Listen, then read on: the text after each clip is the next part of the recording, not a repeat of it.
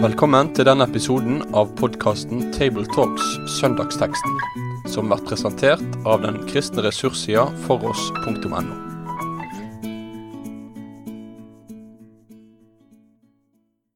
Hjertelig velkommen til en uh, ny episode av uh, Tabletalks, uh, podkasten hvor vi diskuterer og samtaler om søndagens pregetekster. I dag så skal vi samtale om uh, teksten fra Matteus 8, vers 5-13, som er teksten for 18. søndag i treenighetstida, søndag 23. september. Og treenighetstida er den andre halvdelen av kirkeåret, den er halvdelen uten de mange høytidene. Eh, og treenighetstid er ofte en tid hvor vi kan snakke om at eh, konsekvensen av pinsen og det nye Jesus kommer med, blir utfolda for oss. Tekster som handler om eh, livet i trua, om det å være disippel og det å være etterfølger av Jesus. Og både i dagens tekst og i de lesetekstene som er knytta til denne søndagen, så er det, er det et visst fokus på det som handler om forholdet mellom Israel og de som er utenfor Israel, på ulike måter. Så det er òg verdt å, å, ta med seg og lese eh, disse lesetekstene som er knytta til, til, denne søndagen. Med meg i dag eh, så har jeg Toril Asp. Og Sverre Bø. Og jeg sjøl er Knut Kåre Kirkholm. Og nå skal Toril få gleden av å lese denne teksten fra Matteus 8, vers 5-13. Da Jesus gikk inn i Kapernaum, kom en offiser til ham og ba om hjelp.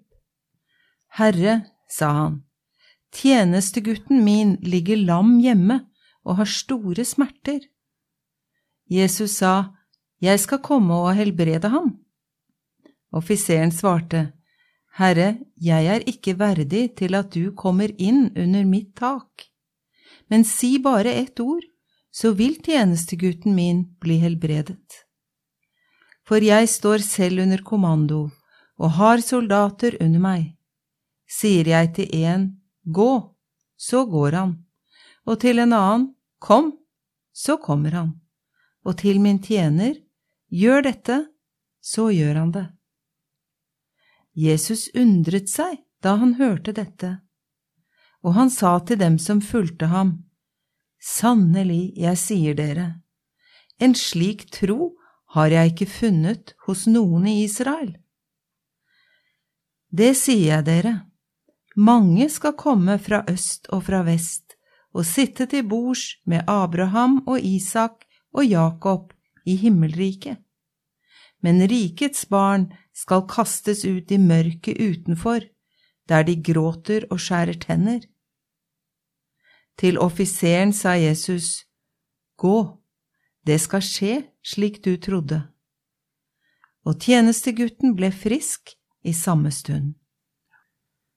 Fint. Her er vi jo Her stilles vi inn i en litt overraskende situasjon på mange måter. Det, det ene er jo egentlig bare at når Matteus skal begynne å fortelle om Jesu helbredelser, så tar han tak i først en spedalsk og så en romersk offiser.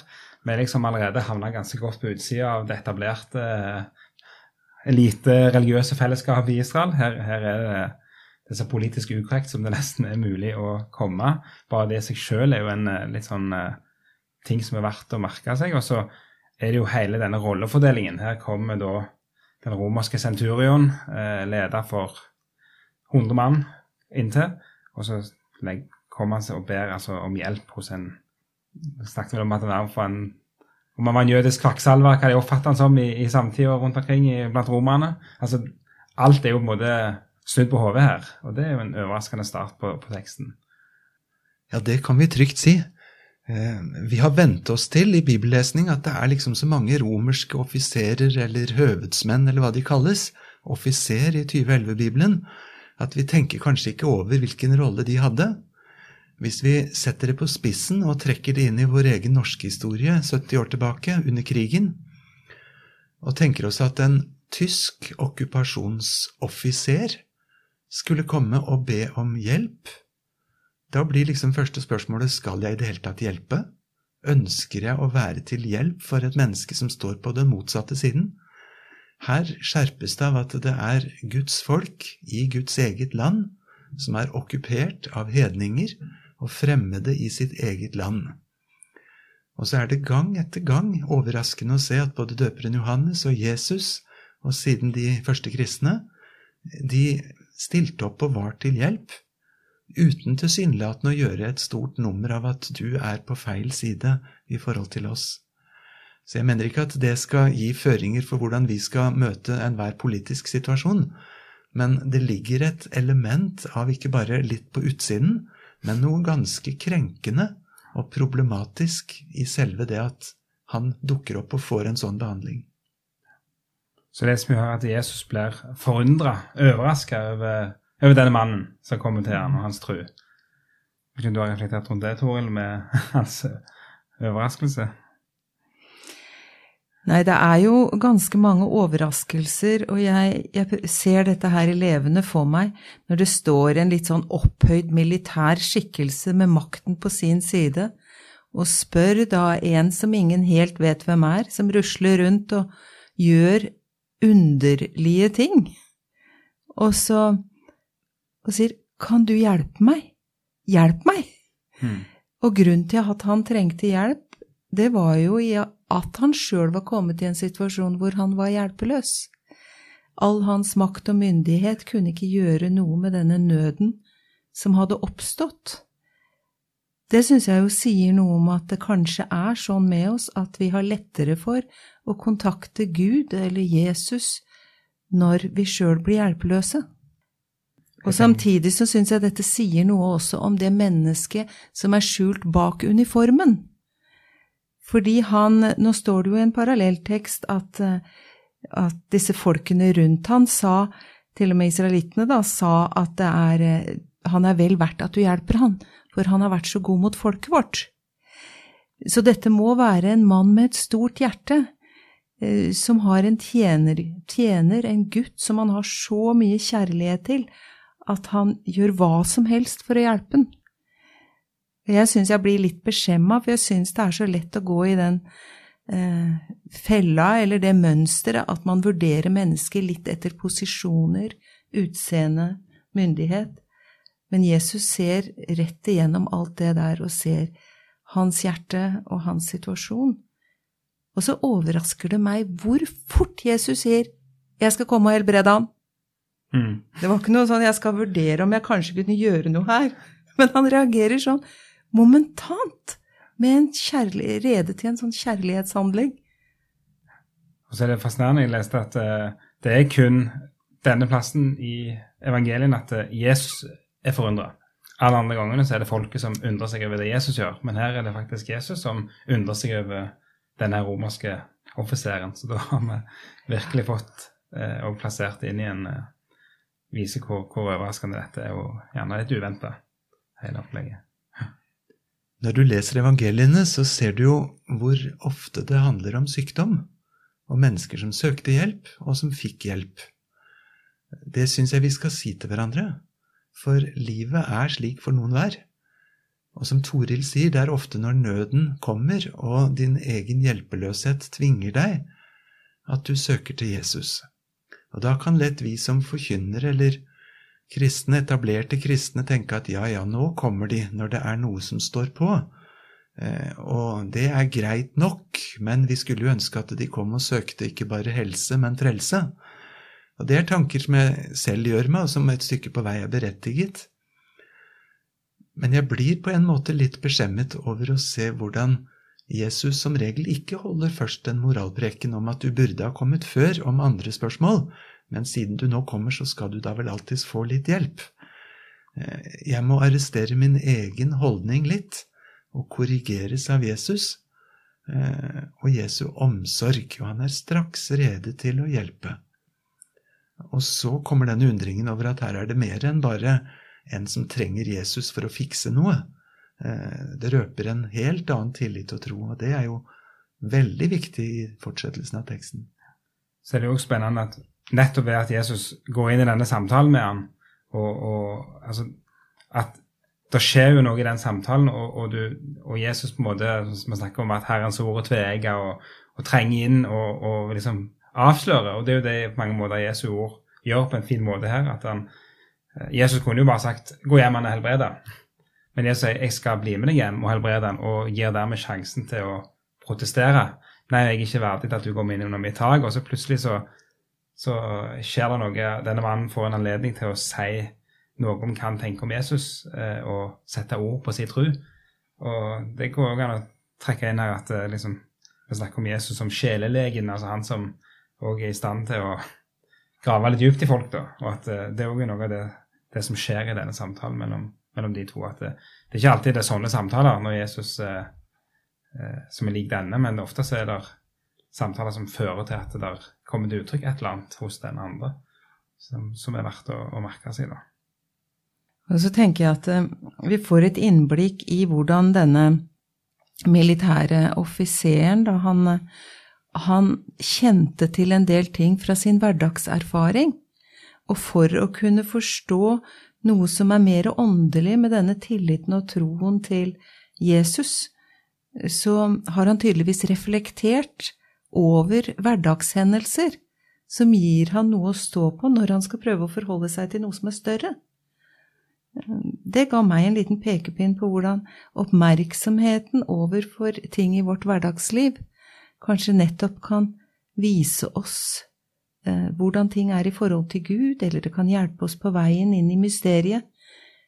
Eh, Jesus var jo ofte sånn han òg, han pekte på ting i hverdagen, for der kunne vi kanskje ane noen dimensjoner da, som selvsagt ble så mye større når de skulle inn i Guds rike sammenheng.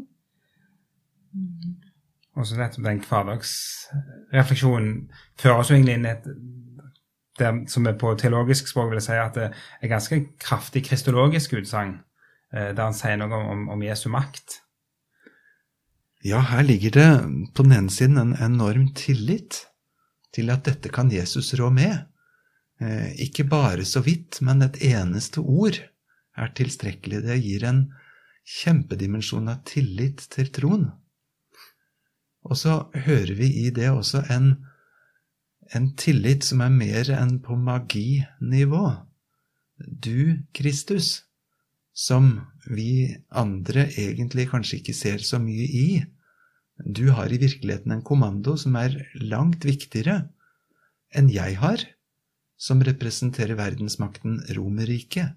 Jeg som er en offiser, en hundremannsfører. Eh, det kan godt sammenlignes, men det er jeg som søker hjelp hos deg. Og jeg som har kommando over hundre mann som okkuperer landet ditt, er ikke verdig til å få deg på besøk.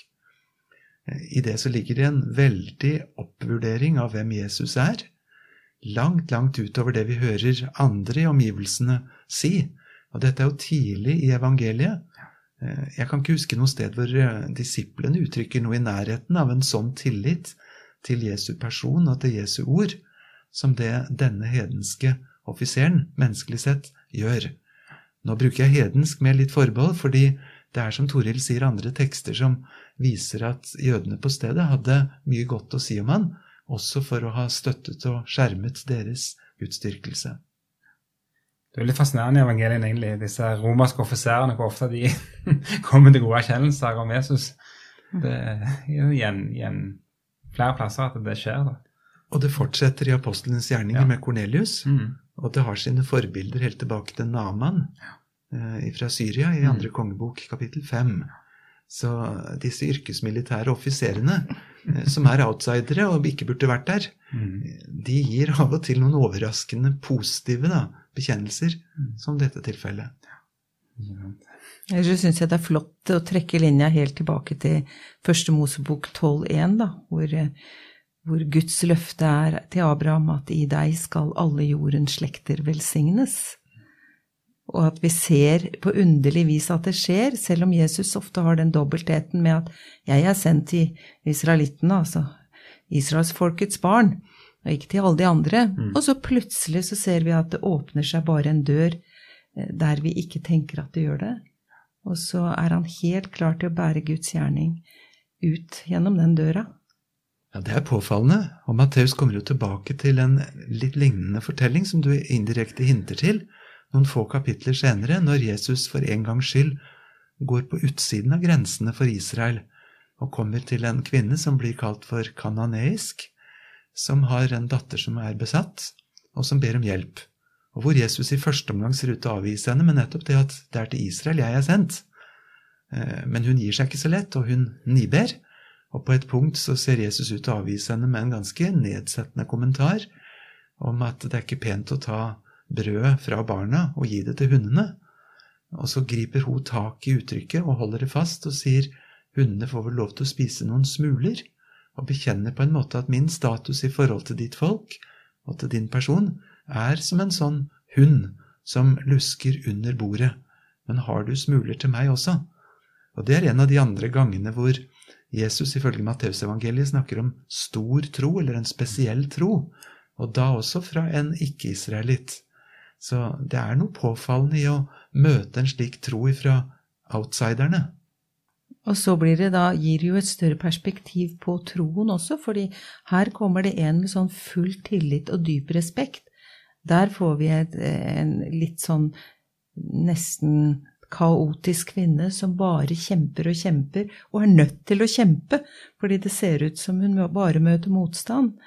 Eh, og så dreier det seg, begge gangene dreier det seg om tro og forholdet til Jesus. Og så har jeg jo reflektert litt over Vi snakker jo ofte når vi snakker om, om eller reflekterer rundt denne eh, fortellingen om, om den lamme som bringes til Jesus av sine fire venner, så snakker vi om, om det å bære andre til Jesus. Eh, men her òg har vi egentlig en, en, form for bæring til Jesus. Bare her skjer det jo egentlig eh, ikke fysisk ved at han bringer, for han ligger jo hjemme og, og, og har det veldig vondt, eh, denne tjeneren. Og i Lukas så står det at han er død nær, så det er tydelig at han er enten sjøl ute av stand til å bli båren, eller iallfall ja, det lar seg ikke gjøre å bringe han fysisk til Jesus, men han kommer likevel og ber han bærer sin tjener til Jesus i bønn, da, og, og, og, vi ser hvordan Jesus òg eh, er mektig til å, til å, gripe inn i en sånn situasjon. Så, så der får vi en ytterligere sånn her eh, ja, betoning av det, da. Ber andre til Jesus. Og så kjenner jeg hver gang vi kommer i kontakt med sånne tekster, så blir det en sånn dobbelthet. Fordi ja, her svarte Jesus ja, og han helbreda. Og jeg ber og ber for mine, og de blir ikke helbreda. Og så kommer liksom den fortvilte eh, det fortvilte spørsmålet, da. Hvorfor gjør han det her, og hvorfor gjør han det ikke ellers? Men jeg tenkte litt når jeg leste den teksten, at det viktigste blir kanskje å akseptere at jeg skjønner det ikke, jeg får ikke noe klare svar på det, men ha fokuset mitt på Jesus. Og så får det bli opp til han å løse det problemet. Men at jeg på en måte ikke lar den frustrasjonen ødelegge mitt trosforhold til Jesus. At ikke blir, troen blir mindre fordi jeg ikke forstår. Mm. Hvis det ga mening. Ja, jeg tror kanskje vi kjenner oss igjen i det. Og vi kjenner oss igjen i dette ropet som disiplene også en gang sa, øk vår tro.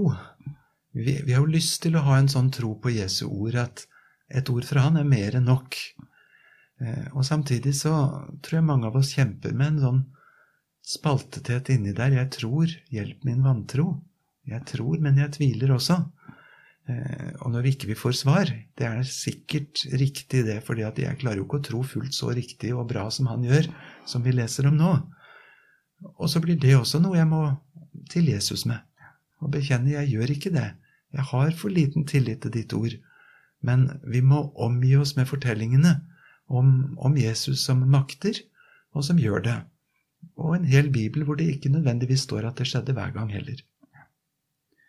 Så tenker jeg litt på, på tilbake til der offiseren snakka om dette med kommandorekke.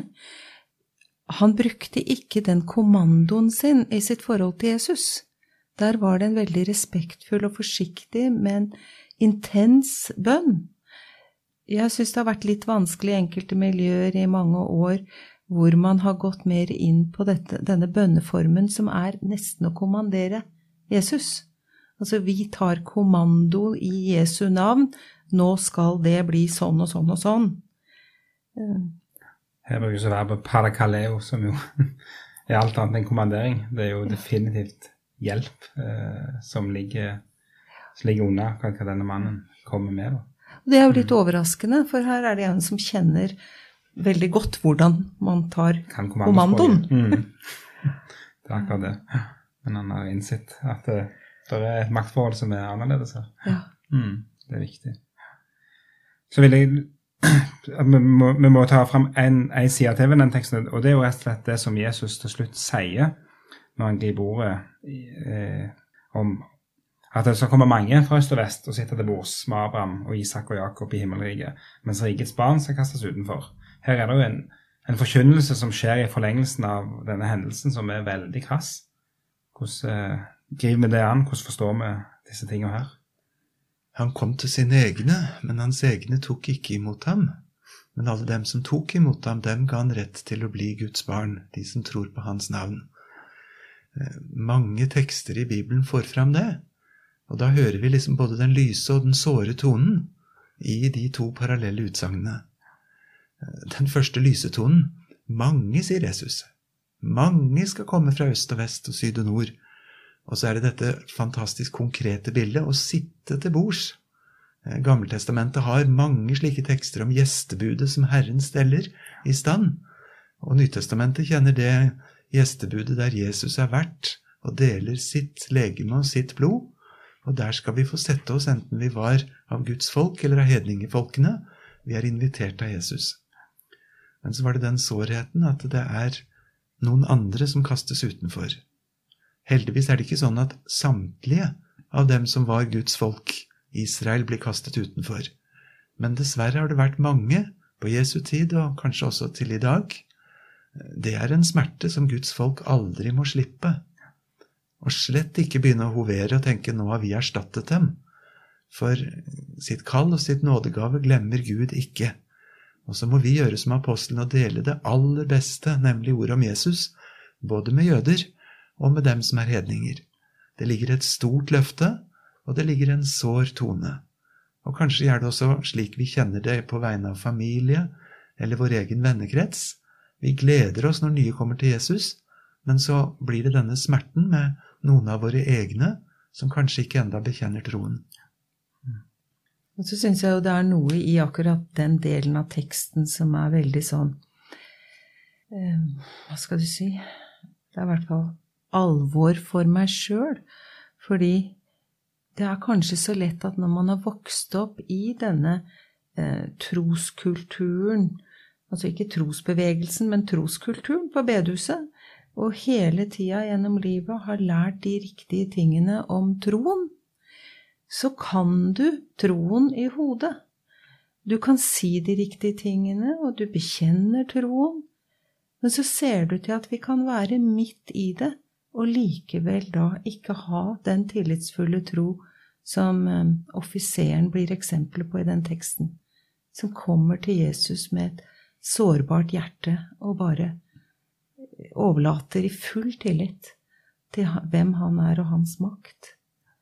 På en måte synes jeg nesten det er litt skremmende at man kan tro at alt er vel, og så kan man likevel leve litt utenfor. Og det er jo det som er veldig sjokkerende i teksten òg, at uh, rikets barn eh, plutselig er de som havner på utsida, mens okkupasjonssoldaten han eh, Alt tyder på at han regnes inn blant de som er invitert og, og kan forvente å kunne sitte med til festmåltidet. Og da er jo òg mye av det i Gamletestamentet plutselig snudd på hodet. Eh, hva skjedde nå? Eh, det er jo det som er, som er en del av den sjokkerende appellen i, i dette her. Da. Og samtidig vi som ikke-israelitter skal få glede oss over at vi er blitt inkludert i, i dette Guds folk. Det er jo noe der òg. Det står jo ofte på slutten av en tekst hvordan folket reagerte. Mm. Jeg ble litt nysgjerrig på hvordan folk reagerte her, for her står det ikke.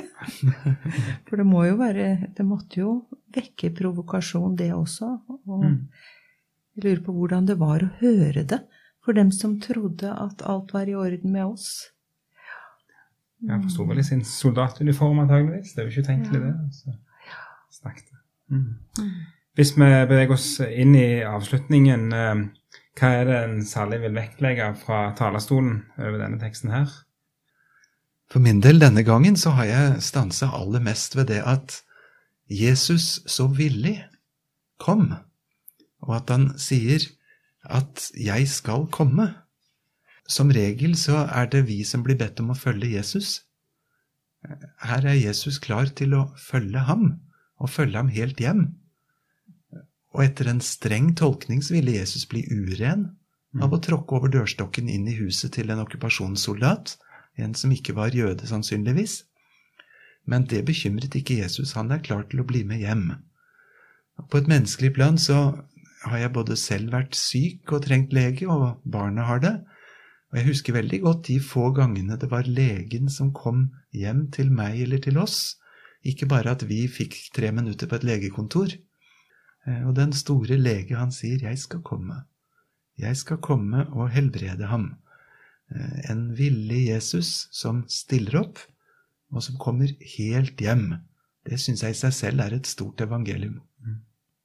Det var i grunnen akkurat det som jeg jo hadde stoppa for, det at Jesus, Jesus så umiddelbart sier 'Jeg skal komme og helbrede ham', og hvordan på en måte hjertet til offiseren og hjertet til Jesus var så på bølgelengde, og de møttes i denne kjærlige omsorgen.